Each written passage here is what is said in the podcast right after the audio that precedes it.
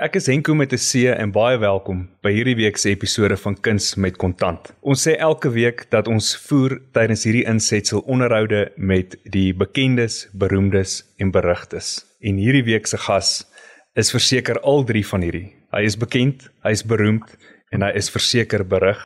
Ons gesels hierdie week met Zander Tyler oor hoe hy dink oor geld. Julle ken vir Zander Tyler se alter ego en dit is Jack Barrow. Sander baie welkom by Kuns met Kontant. Nou as dit dankie dat jy my genooi het. Baie mense sal met my en jou verskil en sê dat daar bestaan nie 'n liedjie waarin Jack Barrow nie vloek nie. Ek weet van ten minste twee albums wat jy uitgebring het wat jy onderaan baie mooi gesê het hierdie is super seep skoon.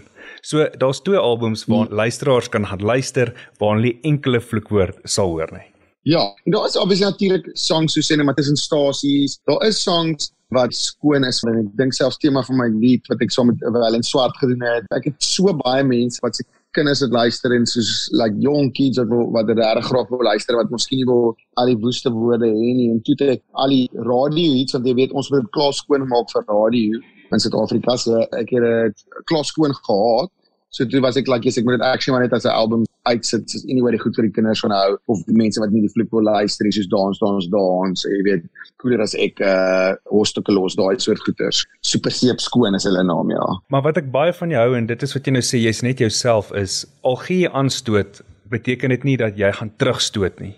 Jy laat dit maar net gaan in ja. vrede ja. en sê maar dit is wie en wat ek is. Almal voel soos wat hulle voel, almal glo in wat hulle glo, almal dink soos wat hulle dink. Ek gaan nie uit om ander mense se opinies te verander, forceer om mense se opinies te verander nie. Ek is net myself en as mense daarvan hou, hou daarvan. As hulle nie daarvan hou nie, dan hoef hulle te luister. Dit is maar al wat ek doen. Ek glo almal moet doen wat hulle gelukkig maak en luister wat hulle gelukkig maak en hou van wat hulle van hou en ek dink die grootste probleme en die grootste uh, probleme in die wêreld en die grootste oorloë en die grootste uh, goed wat nou gebeur soos die shootings in Amerika en alles is alles baie keer net mense wat hulle eie denke probeer forceer op ander mense. Live and let live each to their own en almal moet doen wat hulle gelukkig maak. Jy's verseker die koning van Afrikaanse kletsruim maar jy het baie ondersteuning ook gehad baie jare gelede. Onder andere ek weet die heuwels fantasties het ingekom en baie gehelp om koeler as ek 'n 'n groot deurbraak vir jou te maak. Ek het baie op van die begin af gehad. Voor dit nog ek net begin rap het was ek baie lucky om onder die vlek gevat te word deur van die lede van Brasse van die Kaap daai tyd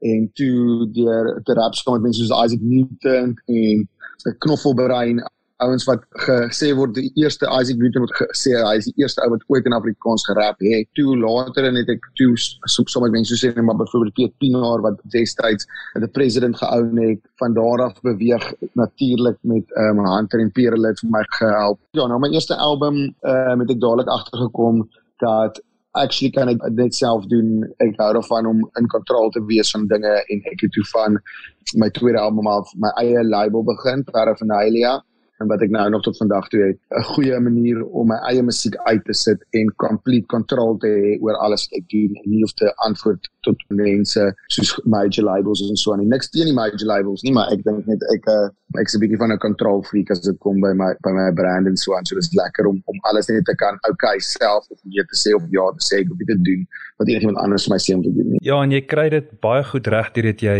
in volle beheer is van jou eie handelsmerk die luisteraars kan dit nie nou sien nie, maar ek sit nou hier op die TV-stel van Kuns met Kontant. Ek sit nou hier met baie van die produkte. Ek het jou Jack Barrow T-amp aan.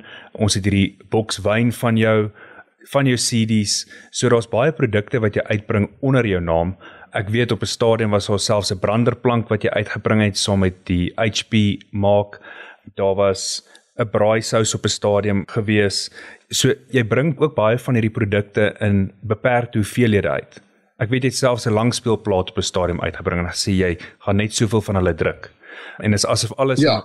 in honderde gebeur, in die getal 100 gebeur want jy kon dit regkry om 'n ambassadeur in Suid-Afrika vir Puma te wees en toe het jy die Jack Sparrow Valleys uitgebring en ek dink ook net 100 ja. pare van hulle die eerste drop wat ons gedoen het, ek ek was al 100 jaar en toe het ons dit uitverkoop in 15 minute het dit aanlyn uitverkoop En dit ons nog 'n drop gedoen en dit het basically in 3 minute uitverkoop. Ons actually nou as gedink aan om nog een te doen. Ek is baie lucky dat brands Puma is een van vele brands waarmee ek baie werk. Groot massiewe brands wat glo in my en glo in my siening en glo in my reach en, en wat ek doen.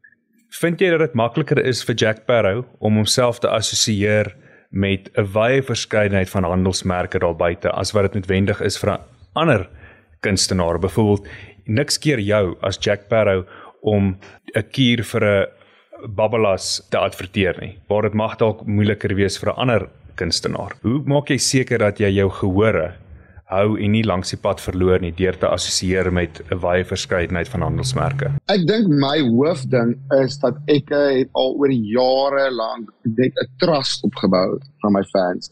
En dit is hoekom hulle weet as ek goed post, doen ek dit uit my eie hart uit. Ek sal iets post wat ek nie van hou nie. Byvoorbeeld 'n Babbelas cure. Die hoeveelheid Babbelas cures wat ek al gestuur is en nie een van hulle werk nie. En dis hoekom ek dit nog nooit daaroor gepost nie, want hulle werk nie. Ehm um, ek probeer regtig altyd sterk net goed te post wat ek van hou wat ek actually gebruik en wat ek actually in glo. Sê net maar byvoorbeeld by gaming. Ek is 'n regtig groot gamer. Ek speel baie games. Ek is gesponsor PlayStation want en mense weet as ek games post dat hulle kan dit trust want ek hou van games. Dit maak dit maklik. Die bodyboard wat ek gedoen het wat jy vroeër gesê het, is dieselfde ding. Jy weet ek is 'n bodyboarder. Ek bodyboard nou nog ek is nou nog involved in die world tour en ek selfs raak om nou 'n world tour event actually vir die eerste keer in flipping vir ewig kom in Suid-Afrika toe in Hermanus want die world champ is bodyboarders van Tristan Roberts is van Hermanus af. Mense weet hulle kan my vertrou oor dit want hulle weet ek weet waarvan ek praat. Ek bly regtig lank by brands want ek voel as hulle na my kyk, kyk ek na hulle en ons werk goed saam en, en dit het my so gesaai in COVID want hulle het toe na my gekyk toe ek regtig het meeste nodig gehad het. Ek wil graag hê jy moet met ons die storie deel van jare gelede toe jy die dag besluit het jy gaan nou bedank en jy gaan terugtrek na jou ma se huis toe en jy het 'n paar liedjies wat jy self in jou kamer gaan opneem jy gaan CD's druk en jy het CD's gestuur en ek dink jy het maklik 2000 van daai CD's gepos aan aanhang. Ja, yes, so, so ek het gewerk by so 'n by 'n web design plek en ek was dus ek nee, ek's nou as ek dit nou doen, gaan ek dit nooit doen nie. Ek vir my mense ek het nou kind of so op 'n underground following. Ek gaan dit dan net te gou. Quit to my job. Hulle is obviously ek is mal in my kop. Dis ek nou dink ek gaan 'n Afrikaanse rapper raak. Trek terug na my ma toe. Dit was toe ek so 25 was. So nou te breek al 7 jaar op my eie in die Kaap om daai half so ek was so of embarrassing. Koop vir my 'n CD writer external CD writer sign it. Ek het dit nog die bring en braai EP genoem en toe gaan ek biblioteek toe rol dit af knip dit uit sit dit in 'n klein um, soos 'n deurskynende klein CD houertjie dingetjie en dan uh, gaan gaan ek poskantoor toe dan sê ek ek koop. Was op MySpace en toe op die ou op Facebook as ek like okay hier's my bankdetails betaal R50 in my bank in en ek pos vir hulle hierdie hierdie CD en dan het ek dit gedoen. Ek het actually gaan gaan ek poskantoor toe pos ek dit oral en as die mense in die Kaap rond is so ek actually gery het en dit gaan like aflaai. So baie mense kom nog na my shows toe dat dit is like hulle het actually ek het just by analyse geklop en vir hulle die CD gebring by hulle huis ja. En toe my heel eerste interview was vir die burger gewees en hy kom toe na my huis toe nou om nou 'n day in the life of hierdie rapper wat nou so cooler as ek het en dit is massive like het alles opgeblaas yeah. Ja. en ek is soos bly by my ma se huis en met my ma se kar leen en om, om rond te ry. Ehm uh, maar is ek crazy dat dat Afrikaans rap vir my like plekke soos Rusland het gevat het of Vietnam of like uh, Singapore, Amerika, Duitsland. Jy weet daar daar's net so baie plekke en ek is so dankbaar daarvoor en vir die support van originally Suid-Afrikaanse mense ja. Ek is mal oor jou wyn wat jy nou uitgebring het. Pappa en mamma kan na dieselfde braai toe gaan met een boks wyn en sy drink hierdie wit kraantjie uit en ek drink hierdie rooi kraantjie uit. Soms as jy vir 'n dag iewers gaan, as jy gaan kamp of jy gaan op 'n beseer en jy wil nie soos 'n klomp wyn koop nie en jy wil nie soos 'n klomp bokse wyn koop jy hierdie ene jy kan 'n wit wyntjie in die dag drink en 'n rooi wyntjie in die aand en dit dis regtig en dis regtig goeie kwaliteit wyn. Dit is uh, die wynmaker een van die beste wynmakers in die wêreld actually. Ek is baie trots op. Dit lyk baie cool. Ons het nog klaar weer nuwe smaak. Dis pretty much uitverkoop dis online heeltyd speeltyd. Dat sê dat sê hy ehm maar dit gaan in al die winkels in. R199 eerste een in die hele wêreld uh, wat nog ooit twee taps het. Mm. So hy het 'n tap vir die wit kant en 'n tap vir die rooi kant Ehm um, en dis nog nooit van tevore gedoen nie. Ek kan dit actually glo nie. Ek het regtig gedoog dit moes al gedoen het, maar dit is regtig nog nie gedoen nie. Jou pa was 'n entrepreneur gewees, maar hy het ons ongelukkig in 2005 ontval. Het jy enige iets in jou pa se lewenstyd by hom geleer wat jy vandag toepas in terme van geld, veral omdat hy 'n entrepreneur self was? My pa was die een wat altyd byvoorbeeld die ligte afgesit het my ma se een wat die ligte aangelos het. So my pa was baie was een wat gekyk het na geld en gekyk het dat die klein goedjies in die lewe maak 'n groot verskil, jy weet. Soos byvoorbeeld, wel nou weet ons dit nog meer sit die ligte af want ons weet nou anders sit hulle die ligte vir jou af. Maar jy weet seker goed dat ek by my pa geleer, jy weet. Ek het ook my pa een ding wat ek by my pa geleer wat ek nou nog wat ek nou nog doen is is goedkoop koop is duur koop ek spaar eerder 'n bietjie langer en koop iets properly en dit laat my vir ewig. Jy weet my pa sê vir daai mense wat nog 'n skeermes gehad het van toe hy soos 18 aan was en hy is nou soos en hy is 70. Maar dit is hy al gedoen het en en dit is waar. Ek ek het nou nog van sy goed wat hy gehad het toe hy klein was en ek nou.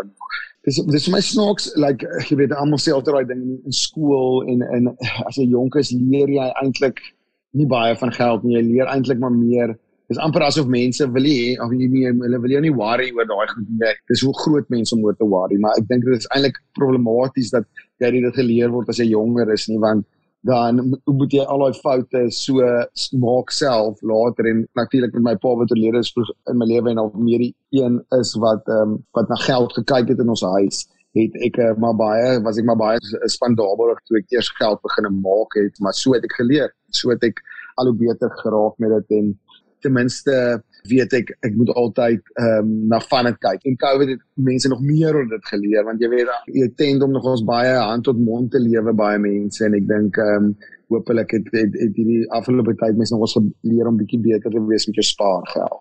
Sander baie dankie dat jy en Jack Barrow by my op kuns met kontant gekuier het. Ons kan nie wag vir volgende maand as die volgende liedjie uitrol van die evangelie van goeie tye nie. Ons sien baie daarna uit.